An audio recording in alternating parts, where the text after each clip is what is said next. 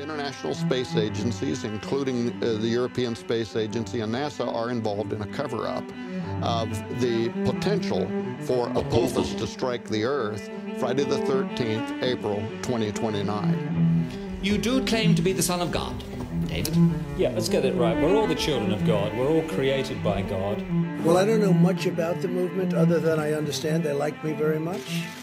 Some call it the Great Awakening.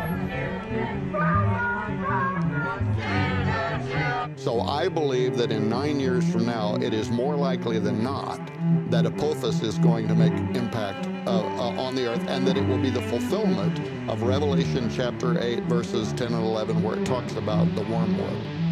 It's one small step for man, one giant leap for mankind. Stanley Kubrick, he, uh, when he was shooting 2001, I guess, he filmed the moon landing. harvest. There is going to be a, harvest for the kingdom of God like none other. And people are going to do to us what they did to the disciples. Tell us about Jesus. It means where we go one, we go all. The fact that you guys are attacking us and making us look like we're crazy when we're just trying to save some fucking children pisses me off. Hallelujah, Jesus. Because what that does is it refines the church to be the bride who has made herself ready. Because you and I would love to say, well, I grow in blessing.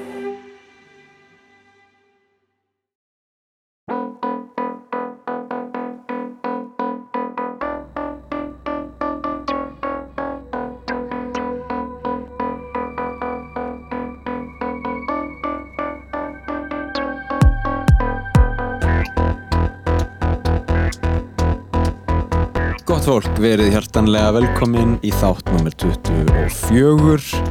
Það er hlaðvarpið heimsendir sem heilsar á þessum merkistegi með góðum gesti Greta Arnarsdóttir, verður velkomin. Takk fyrir.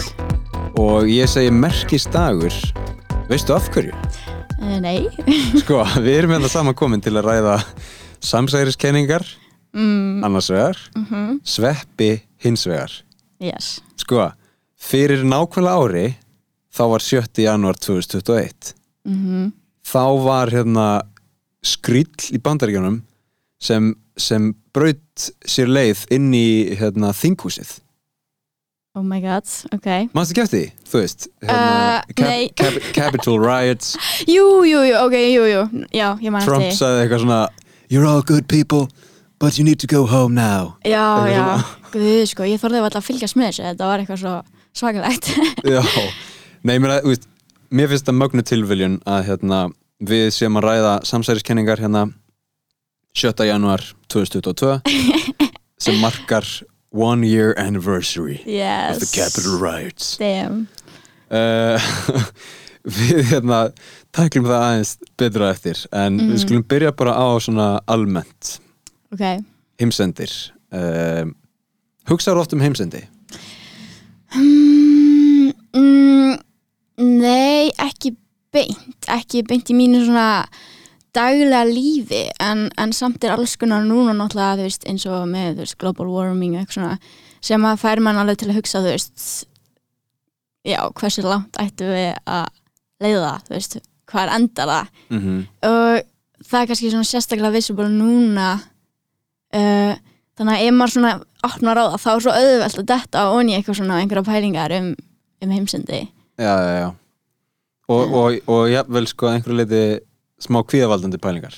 Já já, eða þú veist jú, ef maður svona leifir sér einmitt og detta onni þessa tilfinningu sem fylg, þessa tilfinningu sem maður fylgir í en hérna eða þú veist, það er svo auðvelt af því að núna er svo mar margt í kringum mann sem getur einhvern veginn leitt mann niður í þá hólu þannig að maður verður einhvern veginn bara að halda sér gangandi einhvern veginn og vona og reyna þú veist að gera svo breytingar sem að svona leiða því að, að þú veist, það verði ekki heimsendir.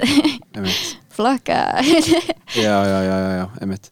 Uh, já, já, þetta er náttúrulega uh, þetta er svona gamal, gömul tugga og, og hérna uh, gamalt stef einhvern veginn með nattræna hlínun og COVID, þú veist Mhm, mhm. two years still going strong Já, já. uh, og hvað kemur næst spyr maður Mhm. samfélagsmiðlar Mhm. þú veist, það er kannski einhver heimsendir í kringum þá um, ég, ég sjálfur alltaf mjög hrifin af hérna uppvakningunum Já, ok og hérna uh, ég veit ekki ég veit ekki hvað það er, það er kannski þú veist þegar maður, þegar maður er að hugsa um heimsendi þá einhvern veginn um, þá er það annarkvort eitthvað sem er mjög afgerandi og gerist tiltölulega hratt eins og þú veist loftsteinn Mhm. eða uppvakningar eða uh, þú veist eitthvað það sem þú getur í raun ekki haldið áfram með þitt eðlilega líf. Já, heldur þú þarf bara að fara að bregðast af fullum þunga við þessu ástandi mhm. Versus eitthvað sem við erum að upplifa núna sem er einhvern veginn svona mitt á milli. Já, já, svona gett lengi að gerjast einhvern veginn Já. og maður heldur alltaf að sé að vera betra og svo verður að verða einhvern veginn. Einmitt. En sko uppvakningar hvernig þá? Hvernig verður þeir uppvakningar? það er náttúrulega COVID stökkbreytist Ok, og hérna nei, ég veit það ekki. Ég, þú veist, ein, einu sinni var ég mjög upptekinn af hundaæði Já, ok. Þegar ég bjó í Costa Rica Já, þá, þá, held, þá var ég svona ofsa ofsa kvíðin yfir því að hérna að ég myndi fá hundaæði og deyja. Oh sem er mjög ólíklegt sko. Já, já, það er mjög ólíklegt að fá hundaæði í Costa Rica en ég var samt ég var samt sko að fríka út yfir því.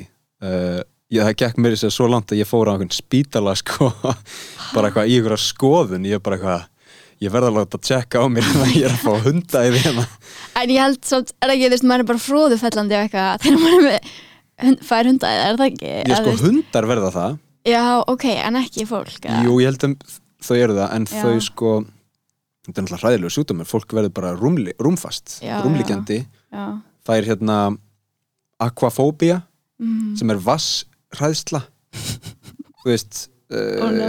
það er ekki gott skilur Nei, nei, nei, það er er ekki gott. getur ekki drukkið og Mhm. hérna og deyr bara, ég meina, ég held að það sé ein manneska sem hefur lifað af hundaæði Ok, um, það var svakalegt sko. Já. En uh, talandi um svona heimsendi þú veist uh, og svona drastískan heimsendi. Mhm. til dæmis uppáninga Já, já. Myndur þú lifa af? Uh, ég hef svo oft hugsað þetta sko.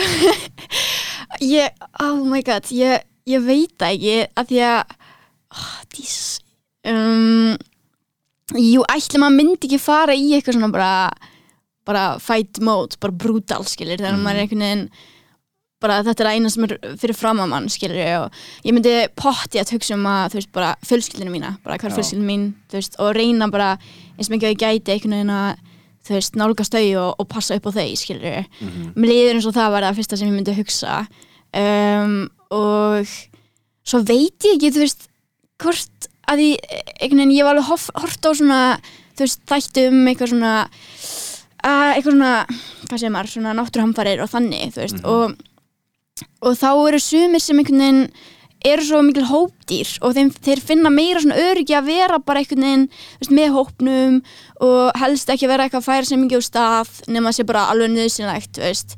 en ef það kemur kannski flóðu eitthvað þá er fólk oft bara ennþá í húsunum sínum þú veist, að bara einhvern veginn að leita skjólstara því það er þú veist, dægilegt og, og svo leis og, og svo eru nokkrir sem að bara þú veist, flýja staðin og einhvern veginn komast kannski í öryggi.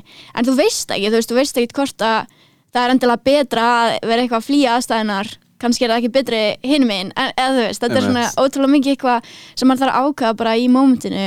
Og þú veist, og hvort er þá betur að einn einhvers þar að deyja eða þú veist, með fjölskyldinu sinni skilur ég veit ekki sko. Þetta er svona uh, maður býst einhvern veginn alltaf við því að hafa tíma til að hugsa sig um. Mm, svo kannski hefur maður ekki tíma til þess og þá er þetta, bara þú veist, kemur nið, kom, hérna, hvað sem er þá er það bara sko dýrs eh, eðlið, eðlið dýrsins sem tekur við og, og stýrir þér í rétta eða ranga átt. Mm, einhvern tímann átti ég hérna gott app sem heit sko, ég er hann að googla það heit eitthvað svona Wiki Survival. Ok, þú veist, Wikipedia nema Survival. Mm, og þar var einmitt hérna Æ, ok, ég finna það ekki. En þar, þú veist, þetta er eitthvað app sem ég var með í símanum. Mm, Þar sem var eitthvað svona Quick guide How to survive. Þú veist, flóðbylgja. Ok, skref nummer eitt. Farði í efri byggðir, Ah. Já, já, Farði upp á já. þak, eitthvað starf. Skref nummer tvö. Degu, degu, degu, eitthvað svona. Allt niður í skiluru úlfa árás já, já, þú veist, þetta er það sem þú gott að gera. Já. Og maður er einhvern veginn mun ég hafa tíma til að kíkja á appið og eitthvað. Bara einhver úlfur upp fyrir framan þig og bara og þú ert bara, já, já, takk um síman bara skrif eitt bara, gamli, gamli, hyggraðu aðeins hyggraðu aðeins. Uh, já, nei, ég veit ekki. Ég held að þetta sé bara eitthvað svona fólk til dæmis prepperar skiluru, Já. fólk sem undirbýr sig fyrir eitthvað svona Mhm. obsessar yfir, yfir því sko hvað mun gerast, hvenær það mun gerast og hvernig það mun hérna, mæta því þegar það gerist. Já, já, síðan skilur þau þegar að hólminn er komið. Fe, fer, far ekki allir bara í sama panic mode og fight or flight og skilur þau jú, ég held það sko. En ég held samt einmitt að sé þú veist munur á, skilur, hvort þú lendir í, skilur, fight Mm. eða flight, einmitt, veist, einmitt. eða bara eitthvað bara, þú veist, að verða bara stjarfur og geta ekki Mhm. reyft sig, sem er líka bara eitthvað svona náttúrulegt. Já, já, uh, svar við einhverjum svona hamförum, þú veist. Bara bara bara eitthvað ísklumpur það er agalegt sko að við erum búin að hérna, lesa margar margar svona survival bækur. Já, og vera með skilur Swiss, Swiss uh, vasanhífin í bakbókanum og einhverja reymar og eitthvað svona. Og svo bara styrnari. Já, nákvæmlega. Zombíinn býtur þau bara beint í hálsin Æ, uh, það væri svo leðilegt En blessunlega lifum við nú ekki hérna árás uppvakninga uh, enn sem komið er. Nei, samt það er hana eitthvað þetta líf, eða þú veist, ég veit ekkert um þetta sko, ég hef bara heyrt eitthvað Ok. einhverja bullisögur, að ég veit ekki, þú veist hvort það er eitthvað til í þessu uh, eitthvað staðar, þú veist, ekki, ekki held í Evrópu Mm. uh, en einmitt þá eitthvað, þú veist þetta heitir eitthvað zombie-lifið og þegar þú veist, þú tekur það, verður bara svona eins og zombie bara eitthvað hálf Já, já. döður líku við, skilur Ívermektin. ég, ég veit ekkert hvað það heitir sko, Nei, en ég hef bara svona heyrt það þessu, þetta er alveg mjög scary veist, en maður veit ekkert hversu mikið að vera ígita skilur Zombie pill, maður sjá. já, The zombie drug flakka. já, Er það að tala um svona, bara, þú veist, þetta er einhver hérna, þetta er einhver svona sölt. já, ég veit ekki ég, Þetta er einhver eit, eiturlif. já, já, já, dóp. einmitt já, Já, ég meina, jú, jú, það er náttúrulega, það er örgulega hægt að hanna eitthvað lif sem lætur þið verða eins og zombie. já, potið öllum í smá tíma og meðan Já, það já. hérna um, er að svona, já líka minn er að melta það. En sko, ok, hérna við ætlum að tala um samsæriskenningar. Já. Uh, áttu þér uppáhald samsæriskenningu? Mm, mm, mm, mm, já, kannski að þið hafa aldrei farið upp í Já, á já, tunglið minna Já, já, já, uh, uh, það er aldrei góð samsæriskenning. Og já, eðlufólki, það er mjög skemmtilegt. Já, já, já, já. eðlufólki já, já, já, eitthvað svona hefur heyrt um það? Já, er það ekki hérna breski fótboltagæðin sem, sem hérna uh, hætti að spila fótbolta og sagðist vera sonur Guðs og sagði hérna að, að, að heiminum væri stjórnað af elitu fólki sem væri eðlur Já, já, já, já, já, nákvæmlega, þú veist, þetta er eitthvað þannig svona, bara allir sem eru eitthvað, veist, í einhverjum hámstöðum, veist, Mhm. í samfélaginu og bara út um allan heim, þú veist, þetta er eitthvað svona, eitthvað eðlufólk, skilur, já, þú veist, eitthvað svona, það er ástæðan fyrir að, að þau einhvern veginn komast lengra en aðrir, skilur, en þetta venjulega fólk, þú veist. Já, og það væri einhver svona eitthvað leyni samfélag sem virkaði einhverju reyti eins og mafía sem svona hjálpaði hvort öðru Já, já, já. Eh, nepotismi og frændhyggli og hérna að, að hjálpa fólki innan sömu raða að fá stöður í, í valdastöður Já, já, já, já, svona. einmitt. um, sko, svo tengi það inn á Illuminati. Já, einmitt, já, já, uh, sem er á bandaríska dollarnum. Já, um, sko, ég las eitthvað aðeins um Illuminati. Mhm, bara af nafninu að dæma þá myndi maður svona ímynda sér að þetta væri samtök uh, bygg, byggð á einhvers konar um, vitundarvakningu. Já, eitthvað svona lú, lúm, lúmin eitthvað þú veist, sem þýr byrta eða eitthvað á, á, á lat, latínu Já, latnesku. uh, og einmitt kemur á daginn að þetta var úr svona leini samtök sem voru stopnuð til að uh, sko, hvað segir maður að berjast gegn efa hyggjufólki mhm, þú veist. Um, en síðan sko 300 árum síðar þá einhvern veginn ítir þetta undir alla efahyggju og alla skep, skeptisisma og og snúast bara alveg við einhvern veginn Já. Mhm. hvað er Illuminati, manstu það? Ég, ég veit það ekki alveg sko eða þú veist, mér finnst allir tala um þetta eitthvað rosalega svona neikvætt um þetta, en ég hef með tyrta svo sögu þú veist, þetta byrjaði eitthvað sem bara svona eitthvað jákvætt og þú veist, átt af eitthvað svona að deila vitnisku og geima vitnisku og eitthvað svo leiðis og síðan svona var þetta meira exclusive og, og einhvern veginn þróast yfir því að veist, þetta væri einhver svona íll samtök einhvern veginn, Eh, ég, ég kann ekki alveg söguna á því samt. Nei, nei, nei. Um, Jay-Z. Já, hann er í þessu. Ok, what? Margir rapparar. Já, já, af því að þau eru alltaf að gera svona uh, Illuminati merkið með puttunum. Já, ok, ok Þannig er, er það sönnunin, þú veist? Já, það er sko sönnunin sko. Já, einmitt það, ég, er nefnilega, ég hlustaði líka á eitt podcast það sem, það sem sko, manneskjan sem hérna, var að hýsa hlaðvarpið Mhm. og, og var sögumadur uh, hún sagði sko já ég trúi sér ekki alveg en ég trúi sér samt eiginlega og sko leiðin til að spotta Illuminati fólk er það er alls konar vísbendingar og, Já. og þið getur bara séð til dæmis þegar það gerir svona handamerki þá er það Illuminati og eitthvað svona. Einmitt, bara. Og ef það er búið að tattúera hérna, the all seeing eye, hið allsjáandi auga Já. baki á sér eða eitthvað? Þá er það Illuminati. Já, einmitt. Ég veit ekki hversu mikið ég er tilbúin að kaupa það. Nei, ég held ekki sko. Um, veist, getur ekki hver sem er tattu á svona á sig, skilur.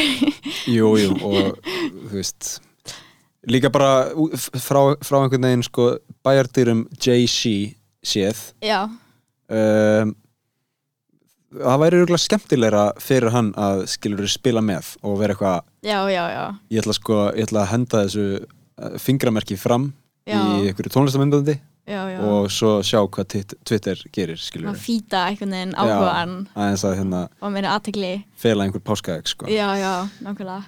Um, sko, má ég sjá hérna tunglendingin Mhm. það er mjög gott. Já, um, hvað, hvað, hvað, hvernig myndum við dýbanka eða þú veist af hverju, af hverju Mm. er það uh, samsæriskenning Sko, það er eitthvað svona, þú veist, af því það er náttúrulega myndbandi þarna sem að var mm, sínt bara það er heiminum og þú veist, það er einhverjar svona hugmyndir um að þar séu sannanir um að þetta sé framleitt í stúdiói. Já, já, Þú veist, það komi fram einhver svona skuggi eða eitthvað sem að, þú veist, sýnir skilur er frá einhverju tæki eða ég man ekki alveg, þú veist, nákvæmlega hvað það var en það var svona, þú veist, alls konar um, sannanir sem að, þú veist, já uh, fólk sagðist finna þarna í þessu, já þessu, þessari mynd sem að var framleitt á tunglinu kannski. já, já, já. fánin var líka góður. Já, eitthvað svona sjáuð, fánin blaktir en það er engin vindur á tunglinu. Það er engin vindur já, á já, tunglinu. já. Svo náttúrulega kom í ljós að það var svona stöng inn í hérna, fánanum sem held honum uppi. Já. því annars hefði hann bara leið eins og tuska. Já, já, um, sko, þú veist, fyrir mitt leiti af, þú veist af hverju ætti þetta að vera feik um, það einhvern veginn við erum á internetinu mhm. og sem þýðir að við búum yfir fjars- fjarskiptakerfi sem er rekið af hérna eða stýrt eða fer í gegnum gerfinetti sem Mhm. eru út um allt sem þýðir að einhver skaut þeim á spórbaug um jörðu mhm. sem þýðir að við höfum burði til að skjóta einhverju út úr uh, þingdarablíjarðar sem þýðir að við getum farið til tónlsins þannig að þú veist, bara það að internetið sé til mhm. mundi ég segja sannar að við fórum til tónlsins Já, en snýrst það ekki meira veist um að þau væri fyrst til að fara til tungsins, veist? Þannig að ef Mm. þau hefði ekki gert þetta á þessum tímapunkti að þá hefðu kannski ekki verið skilur með þá svona, þann stimpil mitt uh, þannig að, að það kannski lá þannig á að þau hefðu kannski verið, veist, verið til að gera eitthvað tilbúið bara til þess að vera skilur á undan. Já, já, já. en, en þú veist, sem þýðir ekki samt að það hafi verið gert þannig. Nei, ég skil, ég, skil, ég skil það sko. Um, ég, ég myndi segja að það væri meiri samsæriskenning að hérna uh, game kapplaupið sjálft Mhm. eitthvað svona þú veist, rússar voru fyrstir eða sovjetmenn voru fyrstir til að senda hérna, mann út í game Mhm. líka hund þú Já, veist já. Eh, þeir voru fyrstir til að senda gerfi nött á spórbögum jörðu, jörðu Mhm. og svo svara bandarækjumenn því með því að skjóta hérna nokkrum gaurum og láta að lenda á tunglinu Já. þú veist, Já, ég já. myndi segja að stærsta samsæriskenningin hafi verið að þetta var hefur raunverulega kattplaup Mm. af því að sko það er, það er eiginlega ekkert uh, svona, hvað segir maður hernaðarlega eða stjórnmálalega uh, mikill ávinningur af því að lenda á tunglinu Mhm. þú veist, ne- nema það að það er bara töff og það er bara Já. hægt að taka nettar myndir Já, og hægt að segja eitthvað svona já, þið fóruð í game já, við fórum á tunglið sko Já, já. Þú veist, bara eitthvað svona Mhm. ég hef nefnilega heyrt að raunverulega game kapplöpið Mhm. hafi verið að hérna, skjóta gerfinhöttum uh, á Mm. spórbaug um jörðu til að njóstna um kjarnorkuvopn hins aðeins Ok. Veist, þannig að þetta var svona eitthvað já við ætlum að fara til tunglsins, það er okkar markmið en raunverulega við ætlum að gera hérna, fullt af gerfinhöttum við ætlum að skjóta þeim upp uh, á víð og dreif við ætlum að búa til kerfi af gerfinhöttum svo að við getum njóstnað um uh, kjarnorkuvopn rússa öllum stundum Ups. Já. þannig að hérna, ég myndi segja að það væri svona mjög vel hefnuð samsæris eða veist, mjög vel hefnuð samsæri sko. Já, já. Ég meina, þú veist, er ekki bandaríkin alltaf að lauma einhverju, þú veist, undir, skilur, undir niðri, skilur, það er að fela eitthvað og... Jú, ég held það en er það kannski líka bara samsæris?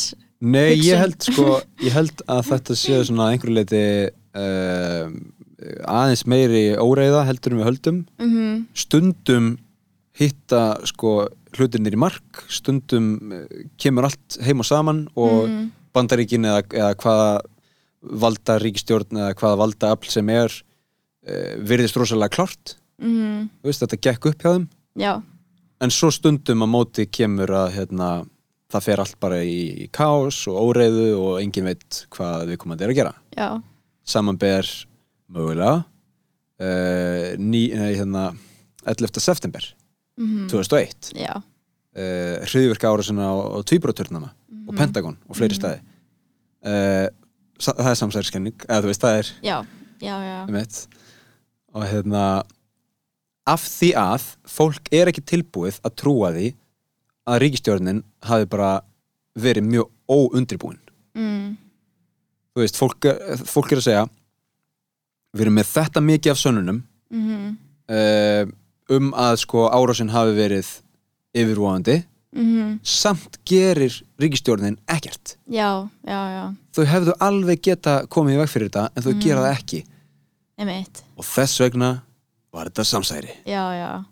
Að því þið voru ekki einhvern veginn búin að taka þau skref sem að þið hafði átt að gera, veist, til að sanna að þið vildu gera eitthvað í málinu. einmitt Mhm. nema hvað, að ég allan trúi því Mhm. að stundum þá bara fer allt í kleinu, skilur við og já. á þessum tímanbúti þá var bara bandaríska ríkistjórnin bara í kleinubakstri, skilur við. Já. og voru bara með allt niður um sig og náðu þessum ekki að bregðast við þessu Mhm. þannig að hérna, sumir kalla samsæri, aðrir kalla bara að einhverju liti vanhæfa ríkistjórn Já, já, já, já. Eh, Ég er alltaf já. svona, ég er alltaf að rugga á milli, sko, þú veist, hversu svona, einmitt, svona klárar og færar, skilur, ríkistjórninar í rauninni eru, þú veist. Ef þau gera eitthvað skref, er, veist, er þetta rosalega útpælt og það er kannski margar meiningar baku það og það er kannski eitthvað hulið Mhm. eða er þetta bara eitthvað, oh shit, eitthvað panic move og allir eru bara eitthvað, þú veist, einmitt með buksuna niður og segja eitthvað að reyna Já. að gera sitt besta og, og svo kannski lúkar það eitthvað suspicious en þú veist, já það er svona einmitt, er þetta eitthvað eðlu fólk skilur sem er með eitthvað, eitthvað, eitthvað mætti sem aðrir eru ekki með og er að stjórna heiminum eitthvað undir yfirborðinu? Eða er þetta bara fólk sem er bara að reyna að gera sitt besta og klúðra einhverju og veist standa sig vel í veist. þetta þetta er mjög góð, mjög góð punktur sko. Eða bara eitthvað svona mix. Af því að bandreikin líka til dæmis er með svo mikið af þú veist, einhverjum svona uh, segja, stöðum eða, þannig sem að maður kannski veit að er mjög líklega til en þau vilja ekki að sé á yfirborðinu. Já, eins og, eins og Area 51 og eitthvað svona. Já, já, já, já, já. þannig að uh, já, það er svona mjög líklegt að það sé eitthvað sem er í gangi en, en hérna sem þau eru að reyna að fela vísvitandi, þannig að greinlega eru þau að reyna að fela eitthvað. Ég held að það sé alveg satt og Mhm. ég meina ég reyni alltaf að vera opinn gangvært bara eiginlega öllu og hérna uh, vera ekkert með eitthvað svona sleggju dóma um, um eitthvað sem ég er ekki alveg 100% vissum en um, til dæmis með, þú veist, Area 51 mm. uh, ég held sko að það sem gefi mörgum byrjundi báða vangi þegar kemur að einhverjum svona kenningum í kringum hvað gæti leinst þar inni sé einfaldlega eh, tilhugsunin að það væri svo leiðinlegt ef það væri ekkert hann inni Mm. þú veist um, ertu, ertu tilbúin að skoða möguleikan á því að það séu bara engar gemurur og Area 51 sé bara þú veist frekar lame stuff skilur Já, já. séu bara eitthvað að rannsæka flugvílavangi Já. og, og radar skilur hvernig Já, er þetta að komast hjá radar eitthvað, Mhm. bara boring já, eða kannski eru þú veist, gemverur skiluru og það hefur verið að krukka í þeim og það fundust skiluru mál, málmar og hérna alls konar geimfur sem geta gert hitt og þetta Já. og veist, það er bara meira nett og það er bara skemmtilegra og ég er ekkert að segja af við á skiluru, ég er ekkert að segja nei, nei, nei, nákvæmlega. En, en hérna, ég held að fólk sé svona oft uh, miklu spenntara fyrir spennunni heldur en eitthvað kannski er þetta allt bara mjög leim já, Þú vonandi ekki allt samt það lítur að vera eitthvað sem stendur upp úr þú veist. Já, já, já. en hérna ég horfði einu sinni á sko mér varst þetta ótrúlega skemmtilegt. Uh, ég horfði á alveg bara heila bara þátt að seri þú veist, þetta eru bara þú veist, margar svona serjur uh, af þáttum sem heita Ancient Alien. Mhm. hefur þú séð þetta? Ég, nei, ég hef ekki séð þetta en við hérna Davíð Þór sem kom inn í þáttur um daginn hann, hann var aðeins að spjalla með það sko. Þetta er svo fyndi að því að þetta er bara svo mikið af einhverju svona sem er óútskýrt eins og með þú veist píramídan uh, bara hvernig byggður hann skilur Mhm. og eitthvað svona sem fólk vil svolítið líta fram hjá því það er erfitt að útskýra það. Og það er allt útskýrt með einhverjum hérna, gemveru kenningum. Uh, og sko það sem mér fannst svona áhugaverðast við þessa þætti var ekkit endilega þú veist tengingin við gemverur heldur meira bara svona hvað þeir voru búin að rannsaka í bara margar margar seríur og marga þú veist bara uh, ótrúlega mikið efni sem að þú veist þeir höfðu um eitthvað svona sem að var aldrei gefin nógu góð lýsing á skilur bara, Mm. þú veist, hvernig var þetta gert? Og það voru svo margir hlutir svona í heiminum uh, sem að bara, þú veist, það, svona basic sagan bara stóðst ekki Mhm. og það einhvern veginn gerði mig svona þyrstari að vita meira um bara söguna og, og af hverju þetta stæðist ekki og hvað gæti mögulega verið annað þá, þú veist, mm Mhm. gemurur kannski, þú veist, eða hvað annað skilur það er svona, er eitthvað sem að er ekki búið að uppgöta eða margt sem er ekki Mhm. búið að uppgöta um, sérstaklega um fortíðina og svona einhver, einhver þekking sem að fólk hafði sem að við vitum ekkert af hvað var. Já, svo er líka bara sagnfræðin er e, náttúrulega ofta tíðum að gera sitt besta en, en, en hún er ekkit fullkomin. Mhm. og það er alveg einhver sem skrifar söguna og Já. einhver sem gera það ekki já, skilur já, sagan er skrifað af sigurverunum. Já, já. oft er það þannig sko. Já, um, og ég meina það er náttúrulega bara mjög áhugavert að, að hérna, horfa tilbaka og reyna að átta sig á hlutunum og rekast á einhverja veggi, skiluru, eitthvað sem stemmir Já. ekki Mhm. um, það já, ég meina með geimverur ég, þú veist, eins og ég segi maður reynir bara að vera opinn um, en ég held, Mhm. ég held oft samt að það sé ég held oft að það sé sko um, eitthvað sem, sem sko stoppar staðnar á þessum þorsta mannkinsins, mannverunar Mhm. í uh, vissu og svona staðfestu Mhm. versus uh, að vita ekki og eitthvað svona up in the air skilur Mhm. það er að segja svarið eitthvað svona já við vitum þetta ekki alveg, þetta er bara óljóst við verðum bara að láta, við verðum bara að skilja við, við það þar Já, eitthvað svona, nei það dugar ekki. Nei, nei, nei, ég veit ef þetta er óljóst, þá verð ég að fylla bara inn í eigðuna og búa bara til minn sannleika. Já, já, ég veit Mér finnst bara svo pyrrandi samt þegar þetta er svo svona superficial uh, sannleikur og maður Mhm. sér strax í gegnum það og er að reyna svona að augra því. Já, já, já. maður vil fá einhverja betri útskýringar eða fá fólk til að hugsa um það allavega. Um, og þú veist ekki bara lenda á þessu að því að það er eitthvað svona uh, vísendarlega útskýringin núna Mhm.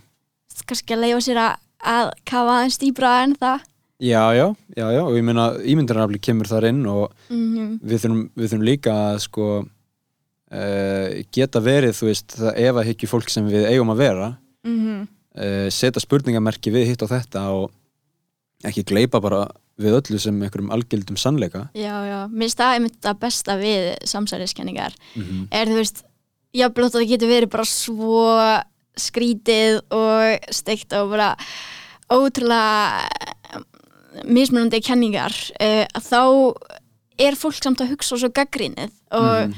Ekki bara gleypa við öllu og það er það sem er svo spennandi og, og maður er svona tilbúin að að fylgjast með því hvaða pælingar, aðra pælingar gætu verið þannig úti og þannig að maður, það sé ekki bara einhver ein rétt leið heldur maður get, gætu verið til einhverja fleiri sögur bak við það og Einmitt. oft er það örgulega þannig líka kannski ekki nákvæmlega eins og maður ímynda sér en, en það getur verið margt annað bak við Mhm. hluti, þú veist maður þarf alltaf að reyna að vera talsmaður satans líka Já. ég reyni það átt uh, fara í stífilinn af Lucifer já, já, já uh, sko, hérna er einn góð QAnon veistu hvað það er? Nei. sko, QAnon er einhver kenning eða hérna, jú, það er einhver kenning Mhm. um að um, Donald Trump fyrirvænandi bandarækjafórseti og raunveruleika veist, já, sé að berjast gegn elítu af djöfla dyrkandi badnanýðingum í ríkistjórn, fjölmiðlum og viðskiptaheiminum. Aha. Kenningin gengur út á að heiminum sé stjórnað af Hillary Clinton, ok. Ro Rothschild fjölskyldunni Mhm. og George Soros. ok bara öllum heiminum frá Já, þeim öllum aðilum. heiminum sko Ok. og, og, og þau séu að vinna í því að hérna uh, vera svona strengjameistari skilurum með strengjabrúðunar og Já. þau eru svona að stýra hagkerfum heimsins með einhverjum bellibröðum þau eru að egna uh, þjóðum saman Mm. búa til stríð hér til að uh, til að búa til sko fjárhagslegan ávinning annar staðar. Uh, þú veist, eitthvað svona þau eru bara hérna, raun heiminum en vilja síðan setja um, af stað einhverja alheims ríkistjórn Mhm. einhverja eina ríkistjórn einhverja eina stjórn sem, sem heldur utan um allan heimin já, þetta er kenningin. Já, já. Og kenningin kemur upprunlega á einhverju spjallsíðu uh, 4chan uh, þú veist, einhver Mhm. spjallsíða þar. Uh, og uh, notandinn hétt hérna Q Clearance Patriot sem sagði eitthvað svona ég er þjóðetnis sinni, ég er hérna Já, já, þú veist, og ég er hérna hátsettur í ríkistjórninni og ég er með Q Clearance. Þú veist, sem þýðir eitthvað svona uh, ég, ég má sjá skrár og, og gogn Ah. af því að ég er með svona security passa, skilur Q Ok. clearance. Og hann byrjaði að posta alltaf undir nafninu Q. Já, og hérna Q Anon Anon stendur bara fyrir Anonymous sem er bara nafnlaus. Mhm, og fólk, þetta byrjaði veist 2016 eða 17 mhm. Og fólk var að byrja að pikka upp sko uh, skilabóðin frá þessum notanda mm, á þessum spjallþráðum og hann var svona að sá alls konar fræjum. Mm, fræjum efasemda. Já, þú veist, nú er, eru réttarhöld í gangi. Þetta er í raun og veru bara hérna, verið að fela, hilma yfir einhverju öðru sem er í gangi. Mm, og þú veist, í gegnum árin þá uh, startaði þessi notandi alls konar samsæriskenningum. En svo tók það náttúrulega flug í COVID. Mm, þannig að frá 2020 til 2021 uh, þú veist, fimmfaldaðist notendafjöldin og hópurinn færiði sig yfir til Evrópu og, og hérna það er talað með þessu 200.000 meðlumir í, í hérna, Þískalandi oh my god. Bara hálft Ísland, bara yey emitt, þú veist og hérna What? Og þetta ta- þetta er náttúrulega þetta er náttúrulega sko svona hæ, hæ, hægri öfga, öfga hægri hópur Já, og uh, þjóðernissinnaður og allt það sko. Mm, en það sem ég finnst klikkaðast við hennan hóp er að þau segja sko að Hollywood sé yfir full af hérna barnanýðingum sem drekka barnablóð til að komast í vímu. Oh my god, já. Það er svona þú veist, fólk fór alveg þangað skilur Já, eitthvað svona e e gefið þetta sé hérna ja, ég meina, ok, þetta er náttúrulega bara samsæriskenning skilur já, en hérna, ef ég ætti að búa til svona Q-dot Mm. og ef ég ætti að búa til samsæriskenningu ég held ég myndi hafa hana aðeins trúverðugari skilur já, já. Aðeins Já. minna stökk. Já, ég veit þetta er svo far át maður. Já, samt alveg þú veist svona margir sem eru tilbúinir að fylgja þessari hugmynd um að fólk sé að drekka eitthvað barnablóð. Og, og líka til að halda sér ungum. Já, eða sko ung, einmitt. Og svo eitthvað svona í hefur COVID. um botox. Já, svo í COVID þá hérna þá var það náttúrulega hjekk þetta fólk á samfélagsmiðlum og gerði örgulega fátt annað og já. svo voru stjörnunar, Hollywood stjörnunar að posta svona heimamyndböndum af sér. Uh þú veist, eitthvað yeah I'm just home, eitthvað the shooting got cancelled, eitthvað berururu og þá þú veist eðlilega er fólk ekki oft er, er fólk oft ekki eins meikað skilur uh, Já, og þá er bara hérna og líka skilur kannski kameran í lélir gæðum og svona, bara alls konar. Og þá var QAnon fólkið eitthvað, sérðu, hún er aðeins fölari já. þetta þýðir að hún er hætt að drekka badnablóð elixírin er hættur veist, Nei. út af COVID af því að hérna byrðakeðjan fór í rugl út af COVID og þú veist fyrirtæki sem er að hérna, sjá um byrðakeðjuna af badnablóði til Hollywood stjarna uh, þú veist, fór á hausinn eða eitthvað út af COVID Þetta er bara eins og einhver svona fantasíu bók einhver svona hliðarheimur. Ég meina gæinn sem stopnaði Scientology hann var vísinda skáld, skáldsögu höfundur. Já, já, nákvæmlega. Þetta er allt tekið úr fiction skilur, þetta Já, er allt já. tekið úr einhverju fantasíu. Um, en það er alveg rétt eins og þú segir það eru rosa margir sem trúa þessu. Það er alveg skeri, en er ekki líka bara að fólk hefur ekki annað að gera? Jó, ég held að það sé alveg, alveg stór hluta af því sko. Það er bara heima við tölvun og sér eitthvað, eitthvað síru, bara já, þetta er fyndi, ég ætla að fylgja sér Já, örgulega margir og líka margir sko maður hefur heyrt um nettröllin Já, tröllverjar á neðinu Mhm. uh, eitthvað lið sem veist, eins og Q kannski var hann bara að grínast já, já, já, nákvæmlega.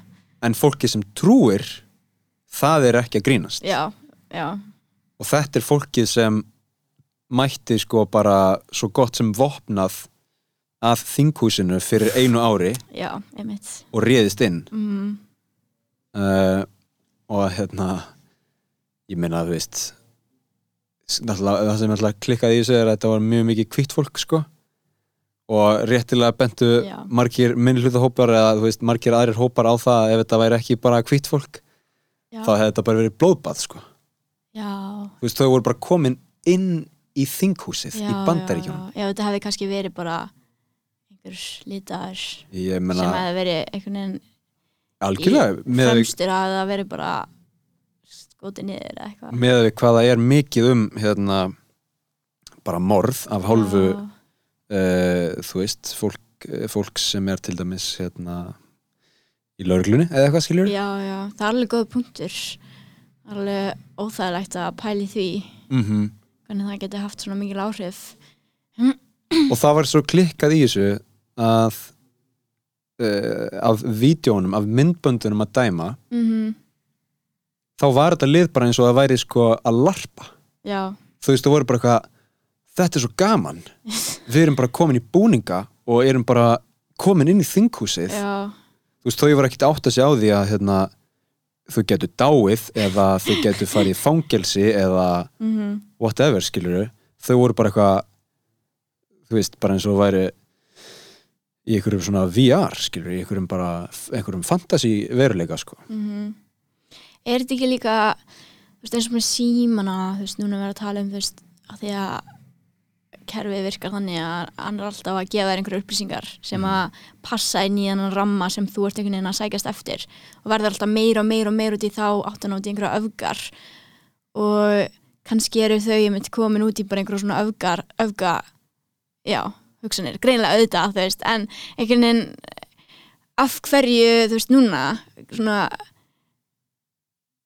Æ, þú veist, og, og af hverju svona langt af hverju getur þetta gengið svona langt í báðar áttir og, og það er, já, svona minna einhvern veginn millisvið og, og meiri svona yktar skoðanir og, og kannski svona yktar um, yktar uh, svona aðtapnir mm Ég held að ég, ég myndi greina þannig að það er sér þrennt sem spilar inn í. Sko, fyrst er það um, uh, að einhvern veginn held ég að þetta allan hafi verið þannig að, að mjög margir í bandaríkjunum til dæmis árið 2016 voru komnir sko með algjörlega nóg af uh, status quo af svona engri breytingu mm, í kerfinu. Mm bara þau voru búin að vera með forseta eftir forseta eftir forseta sem sagði bara ég ætla að gera allt þetta og dregur síðan úr því þegar við komum til orðin forseti. Mm, þú veist og þau voru að mörguleiti sko alveg komið nóg af svona pólitíkusum, stjórnmálafólki sem bara var í jakkafötum og talaði fallega en þú veist var kannski innantomt tal. Mm, uh, ein, loford sem voru ekki end. Já, síðan koma sko tveir nýjir gæjar af öndurum meði Bernie Sanders sem er bara þú veist mjög sko svona radikal hugsandi í bandaríkjunum. Mm, annars vegar og svo Trump Trump gaurinn Trumparinn hins vegar mm, veist, sem var einmitt að tala bara við þetta fólk og bara segja ég er líka komið leið á þessu rugli, þú veist, þau eru öll spilt þau eru öll hérna já, já. með einhver innantóm lofur, þau eru Já. bara legarar, þau eru þú veist, tegur, tegur og þannig að hann náði að selja þeim einhverja lígi sjálfur Já. skilurðu, og næri að segja bara ég er að fara hérna, drain the swamp og eitthvað svona. Mhm. síðan náttúrulega er hann gjör spiltur sjálfur og algjörlega keksaður á því. Um, þannig að þetta er eitt. Síðan kemur sko uh, samfélagsmiðlar. Þú veist Já. við náttúrulega þeir urður stórir hvað, ég veit ekki, 2008 eða eitthvað? En þeir hafa kannski aldrei verið eins stórir eins og einmitt núna. Já, einmitt og síðan þriðji hluturinn er COVID. Já, um, sem býr sko til sínar eigin samsæriskenningar. Mhm, þú veist, er þetta raunverulegt? Er þetta eitthvað sem ríkistjórnin bjóð til og er að dreifa í 5G-turnum já, þú veist, er þetta kínveska ríkistjórnin mhm, bara alls konar svona já pluss það að allir eru bara einhvern veginn heima hjá sér uh, og eru á samfélagsmiðlum allan daginn. Já, út úr þessu held ég að það komi hópur eins og QAnon mhm, sem er bara ready að fucking fara inn í þinghúsið já, og bara, þú veist mhm. gera eitthvað nóskunda sko. Já, einmitt, fólk hefur verið svona að verið sjaldan eins mikið í símunum og einhverjum svona snjalltækjum núna út á COVID eins og segir bara. Þannig að svona ennþá einhvern veginn meira fleiri, fleiri, hægt að sá fleiri fræjum einhvern veginn í einu. Já, algjörlega og líka bara, þú veist einangrun uh, og, og það að vera úr að, veist, það að vera frá vinnu já. það elur einhvers konar tilgangsleysi. Mm og líka bara svona lokaður af frá sósjálringjum og allir svo leiðis mann man vantar Fjölskyldu, útrás já. þú veist og oft eru jammi lokað. Djammi lokað skiluru og þá, þá koma annarkvort skiluru samsærishópar eða Já, já. sértrúarsöfniðir skiluru og veiða þig og hérna, gefa þér einhvern tilgang. Já, já. Reyndar ekki mér persónulega á það inni. Sko, þú væri kannski líklegri til að fara í samsæriskenningar Já, en já, ég ég væri það, sko. líklegri til að fara í sértrúarsöfnið ég væri eiginlega líklegri til að stopna sértrúarsöfnið oh my god það er freaky. Ég til ég að sjá það gerast. Það geti komið að því sko. Mér er samt alveg svona áhugavert veist, flestar kenningar núna sem við erum búin að tala um og einhvern veginn flestar sem kannast við auðvitað einhverjar samsæriskenningar tengjast bandaríkunum einhvern veginn. Mhm. þannig að þær verði einhvern veginn vinsalastar og svona fyrirferðamestar Emmett um, Já, þú veist um, það er náttúrulega þetta er rosalega stórt land Mhm. sem er rosalega um, dreifbílt þú veist, að, að miklu leiti um, austurströndin er mjög stór vesturströndin er líka mjög stór og svo er, Mhm. þú veist landflæmið þar á milli með fullt af borgum og menningum mjög stórt líka um, þau eru samt eins og til dæmis bara ef við byrjum saman með Kína Já. sem er líka mjög stórt land Já. miklu fleira fólki Mhm. en eftir mínum bestu, besta skilningi er það einhvern veginn skipt sko meira í strandleikjuna Mhm. þar sem þú veist 90% af hagkerfun er Mhm. versus uh, dreifbíli og svona sveitir, uppsveitir Já, skiluru, restin af landinu Mhm. og mjög mikil misskipting og stjættaskipting út frá því um, þannig að þú veist ég veit ekki skiluru ég veit ekki hvernig það talar saman bandaríkjunum versus hérna Kína en ég myndi allan að halda í bandaríkjunum það, uh, það, veist, það verður miklu meiri sko hópamyndun Já. af því að þú veist, þú ert með austurströndina og vesturströndina og svo það sem er á milli og þau eru einhvern veginn öll ekki jafn sterk en þú veist þau eru öll internettengt og þau eru öll að hlusta á mismunandi fréttaskýringar Mhm. og þau eru öll á mismunandi samfélagsmiðlum Mhm. með mismunandi algoritma sem sér snýður þú veist, eitthvað efni fyrir þig Já. um, ég held að sé bara til að nota eitthvað klísju orð sko, mjög svona polariserað samfélag í Mhm, Já, já, nákvæmlega Svona einhver skandall bara það mun gerast einhvern veginn að því að það er svo mismunandi bara fólk er bara, já ég meina fólk er bara þú veist bara fréttinnar eru ekki þær sömu. Já, já, einmitt. bara- og svo mismunandi lög allstaðar í öllum ríkjanum og Mhm. bara, já, mjög mismunandi. Ég hérna eitt svona að lokum með þetta QAnon dot uh, ég sá líka eitthvað svona hérna uh, það var verið að skrifa um sko að QAnon væri nýtt. Mhm. en byggi að mestu leiti á uh, veist, gamalli samsæriskenningu Ok, sem fjallar um sko svona andgýðing uh, hvað sem er uh, antisemitisma, svona bara gýðingahatur, skilur og hérna það var semst einhver bók sem kom út ára 1905 í Rússlandi sem heitir The Protocols of the Elders of Zion sem er uh, búið að sko sanna sé bara einhver svona áróðursbók Mhm. skrifuðu líklega af rúsnesku leinithjónustunni ok. Til að dreifa þeim áróðuri að uh, einhverjir sko gýðingar í valdastöðu í Rúslandi á þeim tíma Já, hafi verið að plotta þú veist, heims yfir ráð og Já, já. eitthvað valdarán og eitthvað svona dót.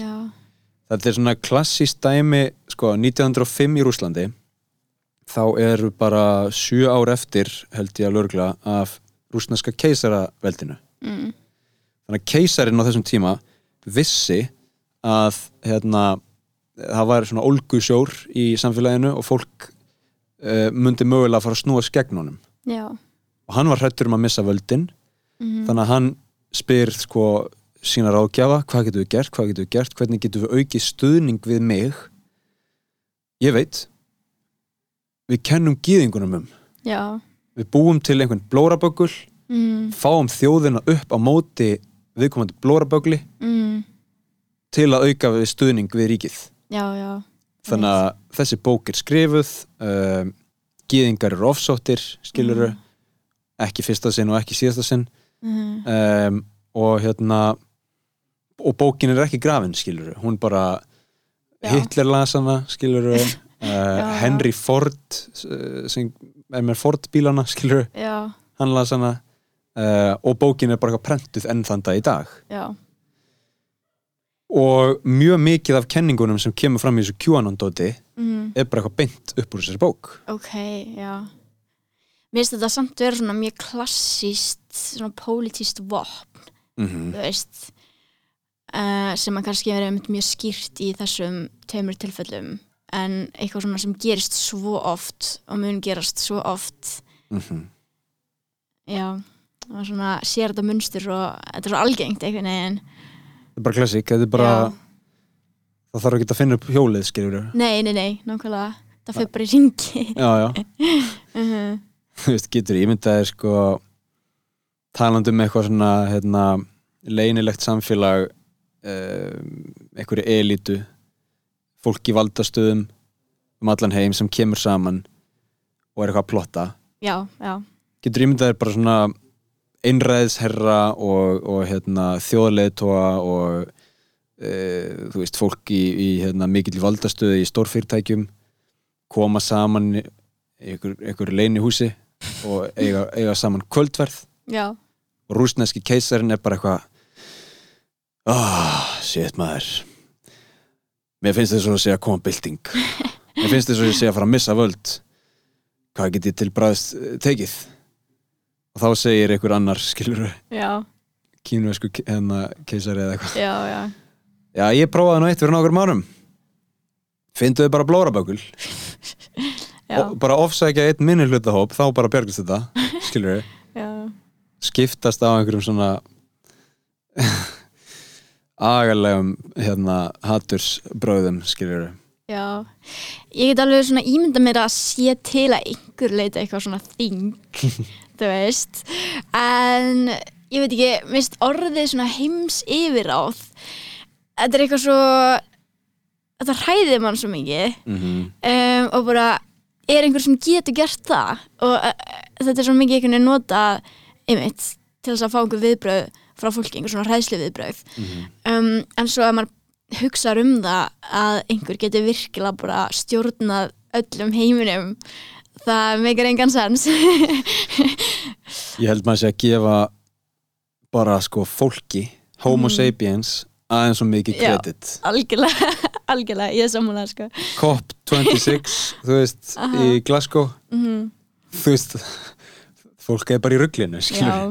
Það er, það er dæmi um hérna, heiminn að koma saman og reyna að ná einhverju sammeðlega niðurstöðu. Já, og það gengur bara mjög illa. Já þú veist, það bara þannig að sko einhver elitu hópur sem er bara eitthvað á baku tjöldin að stýra öllu.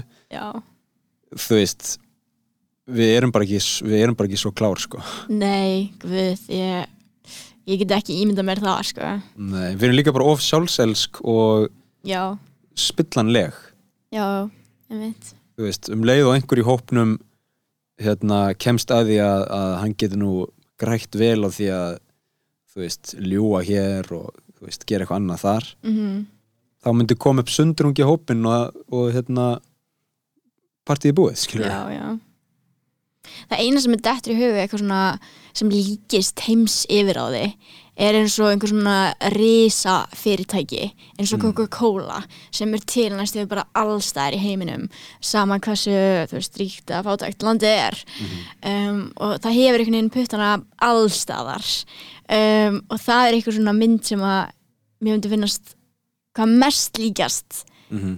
heimsifiraði en samt ekki svona þú veist, þeir eru ekki í ríkistjórninni en þeir eru samt með mjög mikið peningavöld Mhm. og öruglega mjög mikið að segja Google, Facebook já, veist, þetta er náttúrulega þetta er náttúrulega elitan skilur sem já. ræður heiminum. Já, algjörlega.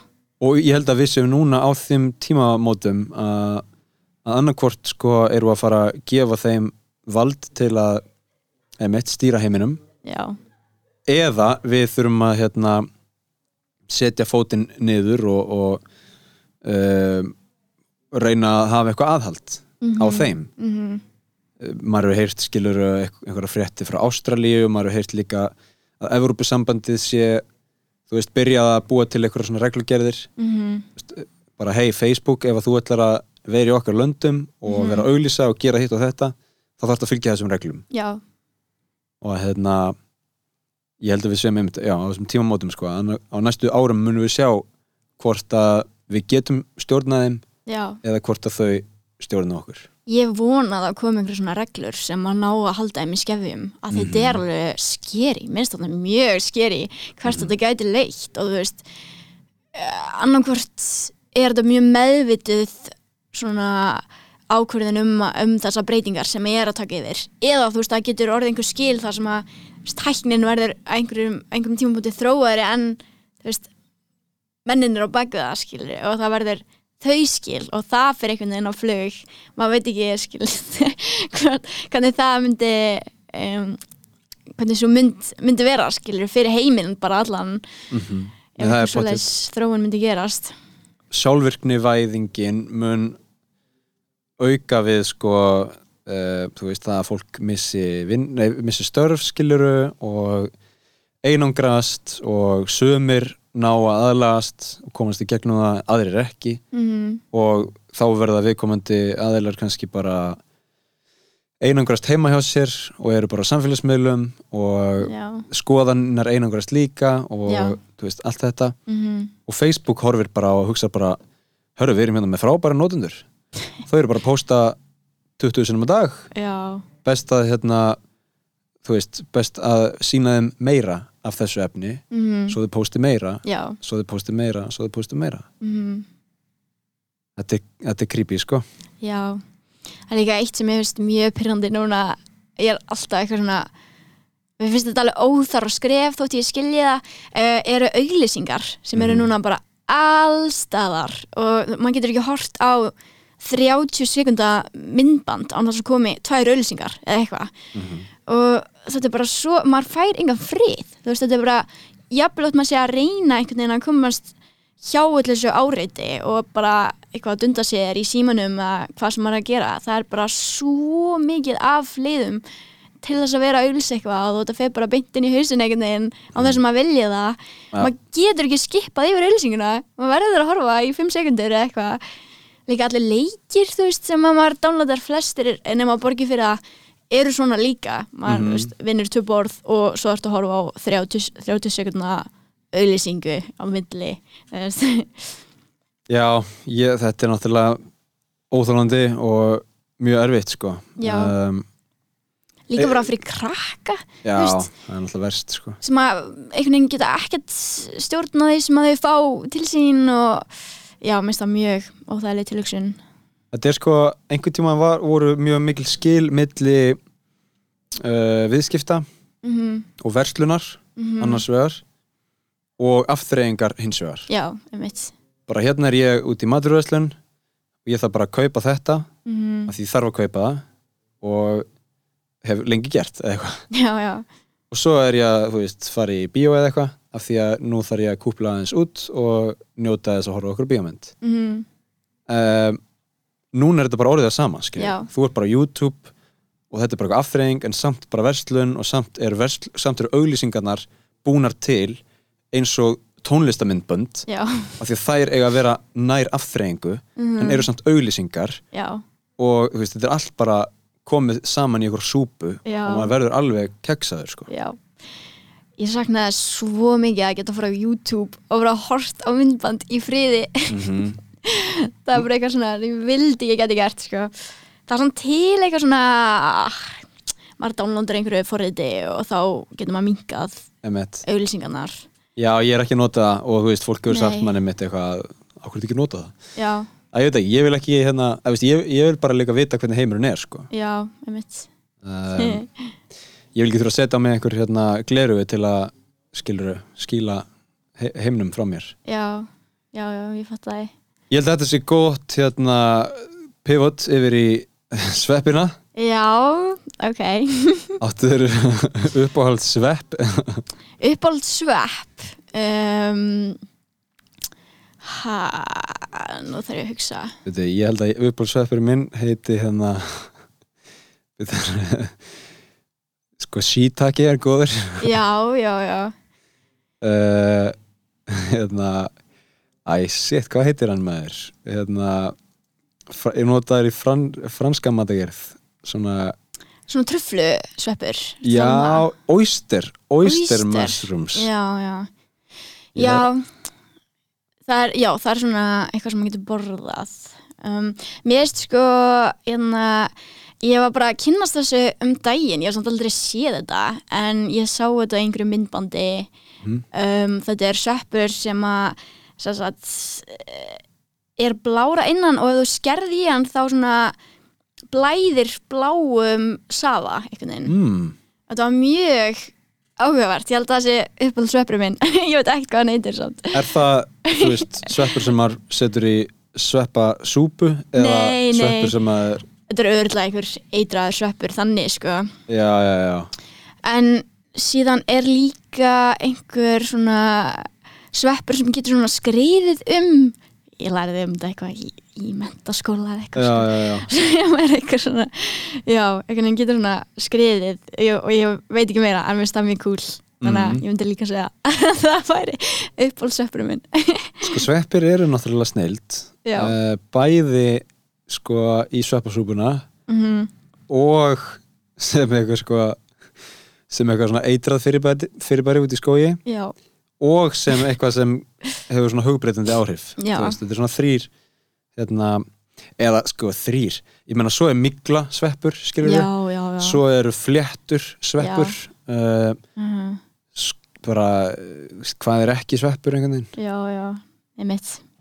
Um, ég hérna já, sveppir eru bara allstaðar veist, það er miklu meira svona af þeim heldur maður heldur. Já.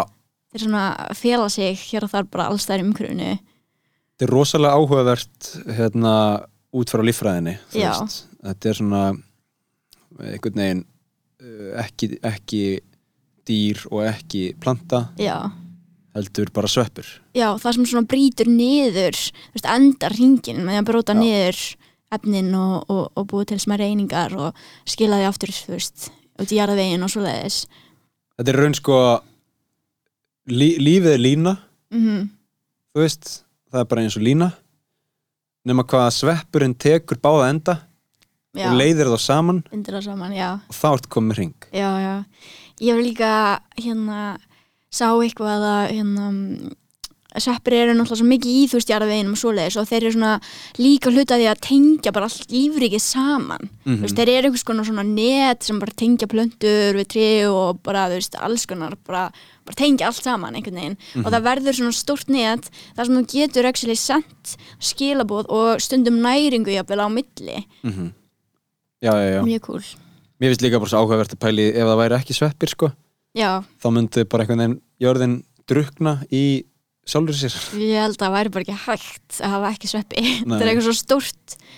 Þú veist, þeir hafa svo mikilvægt hlutverk Mhm. en þeir eru svo rosalega vanmennir einhvern veginn. Maður er aldrei að pæla í sveppum nema bara einmitt ykkur í sveppasúpu eða eitthvað.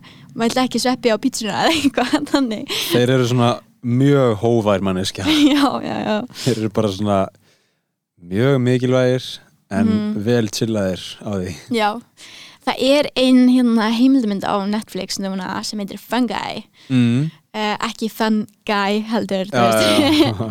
F-U-N-G-I uh, sem að fjallar um sveppi og er mjög áhugaverð og það er svona, einmitt, tappað inn á bara þetta stóra hlutverk sem að sveppir hafa í lífríkinu og þú veist, já, bara svona tengja allt saman og brjóta niður og klára hringin og bara allt sem þeir geta tengst, þú veist, það er eh, fjallað um það og mjög fallað myndir af, þú veist, sveppum og svona sveppagróðri og svoleiðis og Mhm. bara mæla með, sko, að því þetta er einhvern veginn eh, eitthvað sem að, einmitt, maður svona hugsa svo lítið um og fá svona, þú veist, insýn inn í. Einmitt. En þetta er, þetta er líka málið, þetta er eins og þú segir, eitthvað sem maður veit svo lítið um. Já, sko, við erum örgulega á Íslandi með bara ágætis hérna, mentakerfi mhm, að mörguleiti en margir vankantar líka. Mhm, af hverju veit ég ekkert um sveppi? Til dæmis, skilur við já, já. nú erum við sko á Íslandi ekki, eða, veist, ekki það heppin að vera með skói vaksi land og hérna uh, þú veist, hundra tegundir spendýra og mm. skilur ávexti og ég veit ekki hvað og hvað Mhm. við erum ekki með það, þú veist við bara, Nei. ég man ekki hvað er margar Vilt jarðaber Jú, já, vilt jarðaber við hrútaber og svona dót, skilur ber, Já, bara ber Eh, reyla ber og ling og svona og, og hérna ég held að segja engir sko náttúrulegir eh, hérna, náttúrulegt sko svona ró, rótargrænmeti. Nei, um, ég held að það sé allt innflutt. Þú veist það er uh, eitt landspendir sem er vilt skiluru eða er ekki innflutt. Já, já. Refurinn. Já, uh, en það eru sveppir hérna skiluru Já, það eru sveppir hérna það eru ætirsveppir það eru Mhm. skiluru hérna, hugbreytandi sveppir. Já það eru alls konar sveppir hérna. Mm, samt veit maður ekkert um það. Nei, ég elska sveppasúpu. Já. Ég elska svo sveppasúpu svo Mhm. mikið að einu sinni var ég í möðuneyti og það var hérna sveppasúpa í matinn, skiluru og ég Já. fekk mér þrisvar eða eitthvað. Svo kom Ó. yfirmaður minn til mín. Hvað er þetta, borða sveppasósuna? Þú veist, þá var þetta bara sósan skiluru var bara Ógisla myndi með einhver kjöti ég var bara búin að fá mig þrjár umfyrir að súpu. Þetta var bara sósa. Settur í kjöti onni í súpuna nei, nei, nei, ég bara sá ekkert kjöti sá bara, Oh sá bara sósuna. Vá, það er magnað. Uh, Gott skreinlega svona Þú fílar sveppi. Ég meina ég fíla sveppi og ég hef mjög lengi viljað læra meir um sveppi. Já, já. En hérna, þú veist ég veit ekki hvað er á að byrja sko. Ég hef myndi oft hugsað um þetta að því það er svo oft í bara mismunandi menningarheimum það sem er mjög ríkt svona eins og matargerð og þú veist mm, jurtir svona jurtir frá bara veist landsvæðin í kring náttúrulega sem eru síðan notaðar í matargerð og, og svo leys og þessi, þessi arfur er svo sterkur í mörgum löndum en það er eins og þetta hafi svolítið glatast að ég veit ekki hvað gerðist á, á Íslandi en veist, ég veit ekkert um hvernig að nota fjallagrös eða veist, ég veit ekki hvað sveppi á að týna. Það sem er lokal veit maður samt ekkert um að því að það er einhvern veginn svo mikið sem að veist, eins og minnst aldrei magna eins og grjónagrautur að það sé eitthvað svona stort íslenskt og grjón eru bara alls ekki íslensk nei, nei, nei. og hérna þannig að það sem að kemur í raun frá umhverfinu einhvern veginn eh, og það sem allt sem að umhverfi býður upp á það er svo lítið lítill partur af menningunni Já. fattur þau?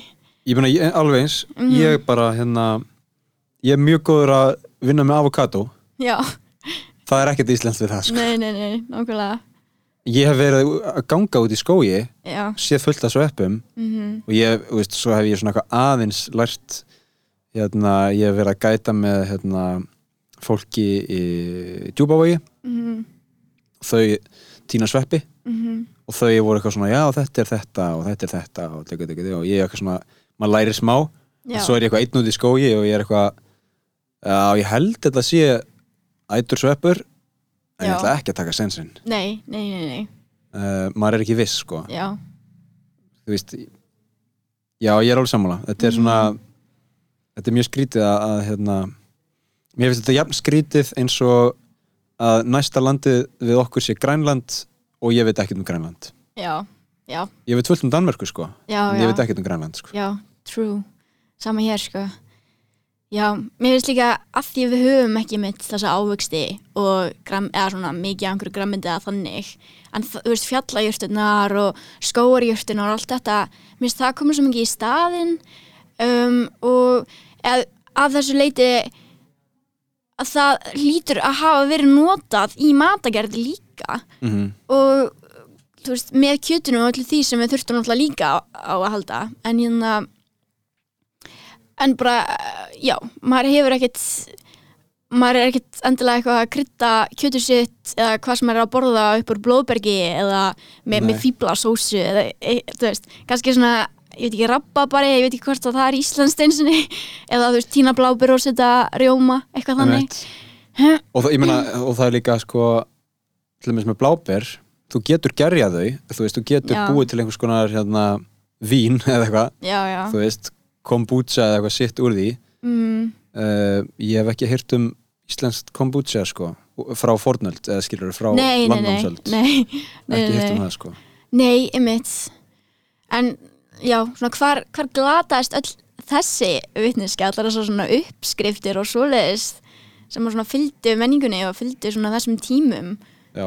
Mér, mér finnst þess að þau hljóti að hafa þú veist, nota miklu meira frá náttúrunni. Já, já, já og öruglega sko kannski, uh, kannski er það bara uh, hefur mitt glatast sko hérna af því að fólk var ekki að skrifa það, fólk var Já. ekki að skrásetja það. Um, en þetta er, þetta, þetta er samt held ég mjög lokal dót líka þú veist Já, e, það var ekkit, þegar ég var hérna í Djúbói þá var ekkit uh, sjálfsæðara heldur en hérna, að, að fólk var að týna sveppi sko. já, ok, já, já um, fólk var allan að allan mjög meðvitað um það þá sko, og þar. Um, Já, kannski ekki eins mikið eitthvað svona í miðborg Reykjavíkur. Nei, sko, í miðborg Reykjavíkur þá er fólk meira meðvitað um sko, hugbreytandi sveppi Já, einmitt. Hvað hérna um, ég menn, þeir eru nú til á Íslandi. Já, einhverja típur, já. Hvað heitir hann? ég manna það ekki, Ó, ég veit ekki hvað hann heitir. Trönu eitthvað. Uh, veit ekki ég töfrasveppur ég, ekki, ég veit ekki hvað hann heitir. Hann heitir Páll. strömpunum um, en sko ég meina, fólk hefur verið upp á, upp á síðkasti að prófa sig áfram með hérna, alls konar sveppi Mhm. uh, í alls konar tilgangi. Já, og sko bara út frá vísindunum Mhm. þá held ég að eiginlega allar niðurstöður hafi bara verið mjög, mjög jákvæðar sko. Já einmitt. Mér finnst að því að sveppur náttúrulega er svo náttúrulegt fyrirbæri mm Mhm. kemur bara úr náttúrunni um, og það svona er einhvern veginn kannski svona sterk að þú veist það, já, ámar að nýta sér þú veist, þessa eiginleika náttúrunar að geta gefið manni svona einhver skonar þú veist, hugbreytandi að einhver leiti sem að hefur samt mjög líklega í för með sér, ef þú notar það rétt Mhm. einhverja svona kosti, þú veist Mhm. eitthvað sem geti bætt líf og, þú veist, líðan. Já, ég meina það er náttúrulega mjög skrítið allan að vera á móti því Mhm. af því að uh, það hefur burði til að þú veist, vera misnotað skilur Já, það er bara svo bíl Mhm. bíl er frábær og hann er löglegur já, og flestir keira bíl.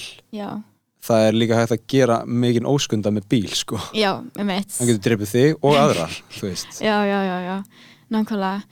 Um, Ég heyrði líka ég veit ekki hvort það sé eitthvað vísindalega svona, en það er vist þannig að ef þú, því meira sem þú tekur að, þú veist, auðvitað mun það verða bara svona mjög yfirvofandi, eða svona eð, þrúandi trip, skil, en Mhm. þú einhvern veginn það mun samt ekki leiða út í neitt meira en það Já, svo ég viti til, líkamlega? Já, Nei, ég, ég held að það sé bara mjög andlegt náttúrulega. Já. Eh, að þú getur náttúrulega átt slæmt trip líka, margar hann sögur. Já, já. En, já, einmitt. en þú kannski ferð ekki í hjartastopp skilur Nei, nei, nei, já, að því sem ég best veit Mhm. en já, þetta er ekki eitthvað heilagt Nei og ég meina þú veist þetta er bara stundum þarf fólk náttúrulega bara að beita hérna smá svona rökhyggju og, og Mhm. common sense. Já, þú veist það er hægt að misnota mjög margt já, sem hægt er að nota allt sem hægt er að nota er hægt að misnota. Og og Það það er náttúrulega mikil hræstni að segja hérna með einhvern veginn bjórglas í hönd að sveppir séu fucked. Já, uh, sem dæmi. Já, það er hérna, það er engin algildur sannleikur að eitthvað sé löglegt og annað ólöglegt. Nei, einmitt. Þú veist, það er bara eitthvað sem gerðist af því bara, skilur Já, já, uh, bjó, talandi um bjór sem var náttúrulega ólöglegur hérna, já. þú veist. Svo er bara einhvern veginn uh, fáar þjóðir sem elga bjóra mikið og Ísland. Já, já það er mjög fyndi hvernig þetta þróaðist allt saman. Það er mjög steikt sko. Já, það er ekki nema 35 ár síðan. Já. Að hann var leiður. Mm. uh, þannig að kannski eftir 35 ár þá verður sveppi leiður Mm, Kannski, já. Ég held að verði nú fyrir sko. Já, örglega svona einhver leiti. Það er margt sko sem held ég að sé að koma í ljós varandi já bæði til dæmis hérna cannabis annars vegar og sveppi hins vegar. Mhm. að í þú veist í einhverjum sko svona, eh, hvað segir maður hérna uh, sjúkra tilgangi. Já, uh, læknislegum læknisfræðilegum tilgangi. Já, þá sé séu mögulegar uh, til að hjálpa fullt af fólki Já. með fullt af kvillum. Mhm. Mér finnst líka einhvern veginn tilhugsun um þú veist að þessi efni sem að eru þannig séð frá náttúrunni þó sem sé búið að vinna þau einhverju leiti uh, að þau geti gefið þér svona það sem þú þarft til þess að fá bara líða betur og bara já það sem þú þarft við þínum veikindum. Um, allavega svona bætta einhverju leiti uh, þú veist það á móti livjum sem að geta haft svo margar aukaverkanir uh, verkanir. Um, og margar bara við verri en sjúkdómurinn sjálfur veist, þetta er mjög mikil áhætta sem þú ert að taka með livjum samt auðvitað getur að hjálpað. Bara, bara bjargað lífum já, sem er, þú veist, bara jákvætt. En, þú veist er maður þá tilbúin að gefa þessu séns? Þú veist. Ég ætla að vona það, ég held að það sé svona svo breyting sem er að eiga sér stað hægt og rólega í, á mörgum stöðum. Ég meina hún virðist hafa átt sér stað allan í til dæmis Portugal mm um, og hérna víðar Þú veist, eins og með bandaríkin það er oft talað um að það sé þjóðin sem að mörguleiti byrjaði sko, stríðið gegn eiturlifim mm það er líka þjóðin sem leiði alls konar uh, lifjafyrirtækjum að þú veist, markasetja mjög sterk vímuefni já, sem í læknisfræðilegum tilgangi, þú veist, Já, og já. hérna önnur mjög ávanabindandi lif, skilur mm, og bjóð til bara svona bara heimsfaraldur af uh, fíklum, þú veist? Já. Þannig að þetta er, þetta, er, þetta er allt bara spurningum notkun og misnotkun Já. og þú veist uh, hvort að fólk sé tilbúið að hérna skoða hlutina svo opið fyrir hlutunum áður en það dæmir sko. Ég mitt já, mér finnst svo jákvætt að sé verið að prófa þetta núna og sé rými fyrir alls konar tilraunir á þessum hlutum bara sveppum og, og kannabisi. Uh, kannabis. Já, cannabis, um Cannabis. cannabis frá cannabis til cannabisar já, uh, Ég meina, ég hef heyrt í mörg ár með til dæmis sko MDMA og fleiri uh, sko, fleiri efni að Já. þú veist uh, til dæmis við hérna uh, þegar hermenn koma aftur úr stríði og er að glíma við svona hérna PTSD já. Áreitu, nei, á- hvað- ég man nú ekki hvað heitir streitu og áreitu röskun eða eitthvað. Mm um, að hérna þú veist bara allt annað klikkaði. -hmm. og svo allt í hennu prófaði meðferð með þú veist MDMA já, Vi- vissulega í sko fullkomlega uh, stýrðum aðstæðum já, og með hérna uh, þjálfað fólk skilur á bakvið lifja gjöfina og allt það. Já, og það virkar skilur. Það er kannski eina sem hefur virkað. Að, að það sett að hjálpa fólki sem er illa sett af, þú veist, djúpu þunglindi eða einhverju röskun mm uh, með einmitt einhverju sem kemur frá náttúrunni. Já, veist, kannski ekki MDMA en, en gott og vel. Uh, með kannski sveppum eða einhverju. Já, að það sé allan ekki skoðað. Já, einmitt. Og það sé eitthvað tabú að tala um það eða rannsæka það. Já, já, einmitt. Það er bonkers sko. Já, það er líka svo mörg tilfelli um fólk sem að fer, þú veist, til eh, Peru í ayahuasca mm og allt þetta, sko. Já, það er náttúrulega eins og sveppir og hérna ayahuasca og þetta er eitthvað sem er búið að vera að nota bara svo lengi.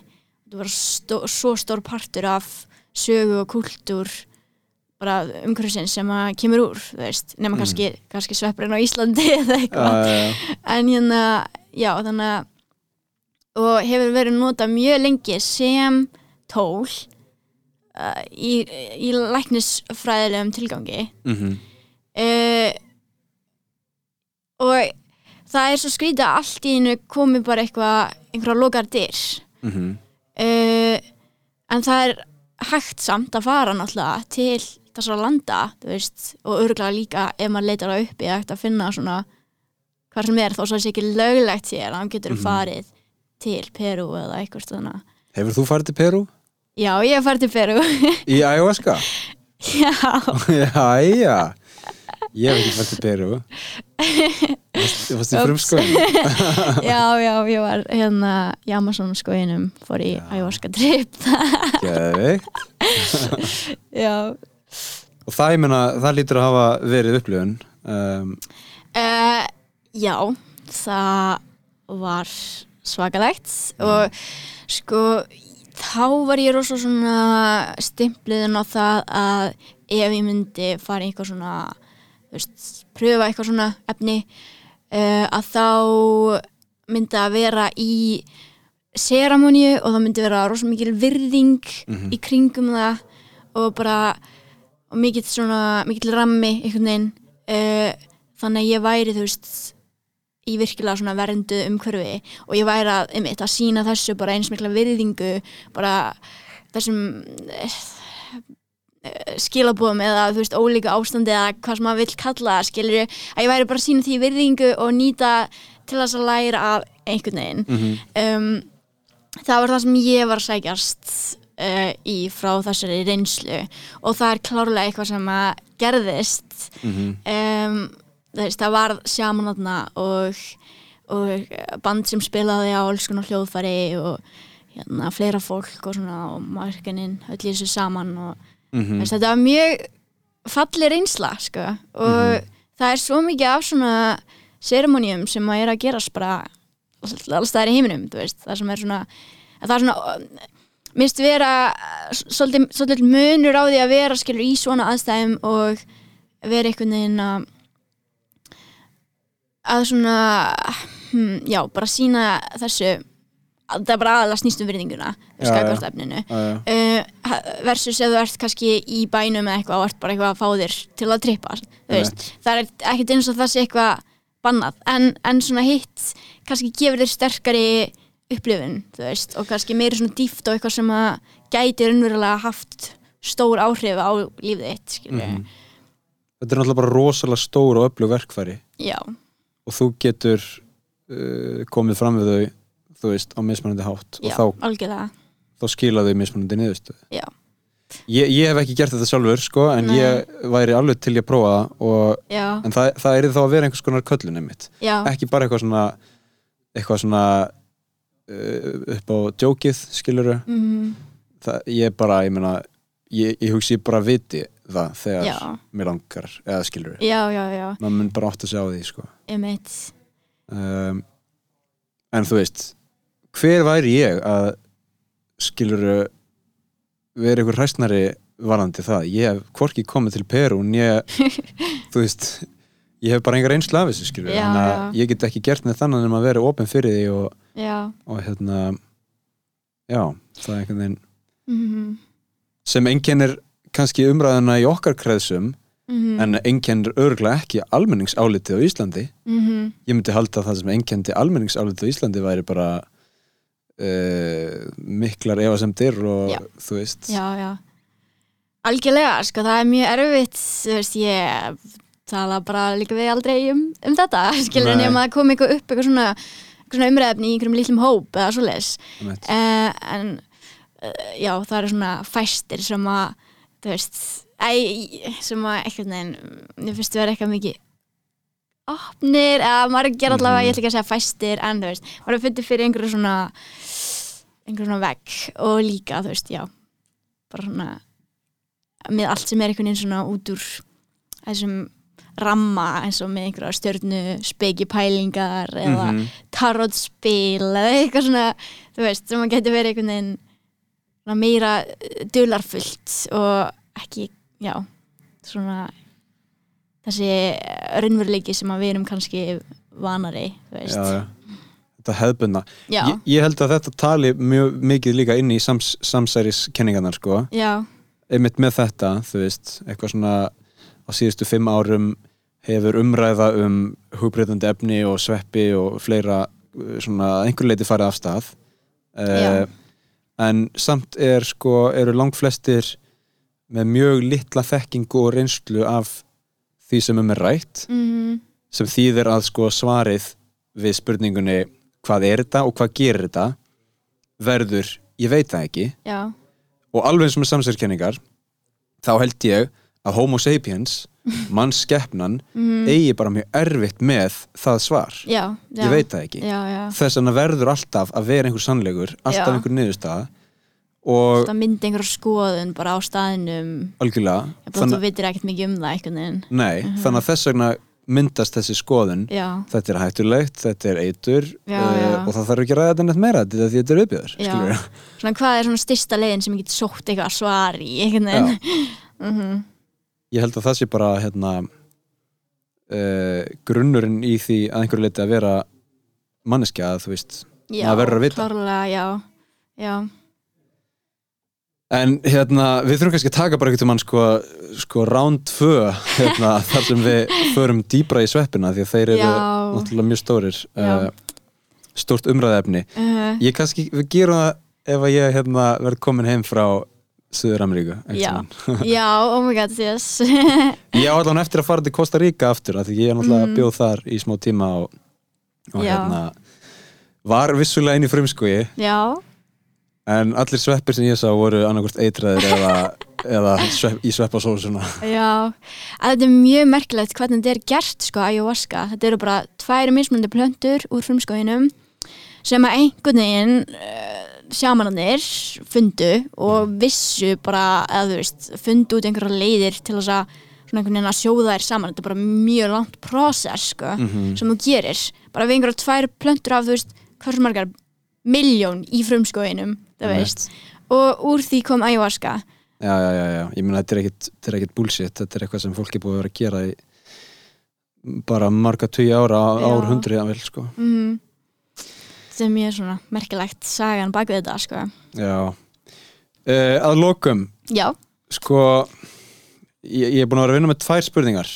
Uh, fyrir, fyrir áramót var það sko hvernig væri fullkominn 2022 ok. Svo kom ég með eitthvað svona uh, ertu með eitthvað nýjársheit uh uh, við skulum kannski bara samræma þessar spurningar þú veist, Já, ef, já. ef það og, og þá fórum við líka að skoða sko, áhuga mál og eitthvað svona hérna, Mhm. ég heyrði til dæmis gott markmið um daginn að hlaupa megameter Hvað sem eru er sko þúsund uh, kílómetrar. Ha, að hlaupa þúsund kílómetra yfir árið yfir árið? Já, já, já, já, já, damn já, það er hella markmið. Já, wow ertu með eitthvað markmið fyrir árið eða ertu með eitthvað hérna, þú veist? Já, sko, markmiðið mitt er eiginlega að hafa ekki of stór markmið. Mhm. eða þú veist, að leifa sér bara að hafa markmið sem maður getur náð þú veist, og að launa sér fyrir það. Að því að ég datt svo auðvitað í það að vera með einhver hjútis markmið sem er ómögulegt Mhm. og ég er bara einhver vítarhing þannig að já, minnst að vera svona leiðin mín til þess að þú veist, hugsa um sjálfa mig er bara, já að setja minni markmið. Skrýta það hljómar það er bara gegja minni markmið sem hægt er að ná. Já, það er mjög, mjög fallið skilabóð ég held að margir í samfélaginu gætu tekið þetta til sín. Já, og ég er sko meðal þeirra. Já, ég veit Greta Arnarsdóttir, takk að Já. kella fyrir komuna og Takk spjallið. fyrir mig, þetta var æði, takk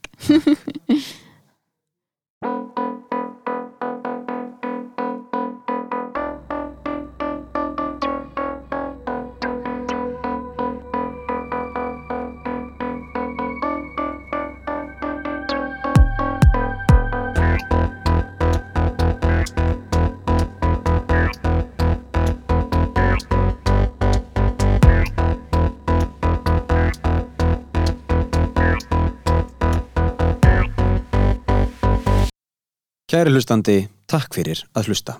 Mér langar að byggja um einn greiða. Kíktin á Instagram á reikningin heimsendir niðustrygg podcast og skráðu þig. Hendi eitt gott follow þar. Þánga mun ég posta myndum af viðmælandum og öðru góðu efni sem tengist þáttunum. Síðan vil ég byggja þig um einn annan greiða. Það er greiðin að dreifa orðinu að tala við fólk um heimsendi, segðu einum eða tveimur eða þremur, vinum, fjölskyldumæðlumum, hverjum sem er frá þáttunum, þannig að við getum fengið fleiri hlustendur í þessa fjölskyldu okkar. Síðan getur þú kíkt á Facebook, eh, ef þú ert ekki búin að gera það nú þegar, við erum með Facebook-hópin heimsendir sem er svona umræðu vettvangur fyrir þáttin. Takk fyrir að hlusta og við heyrumst í næsta þætti.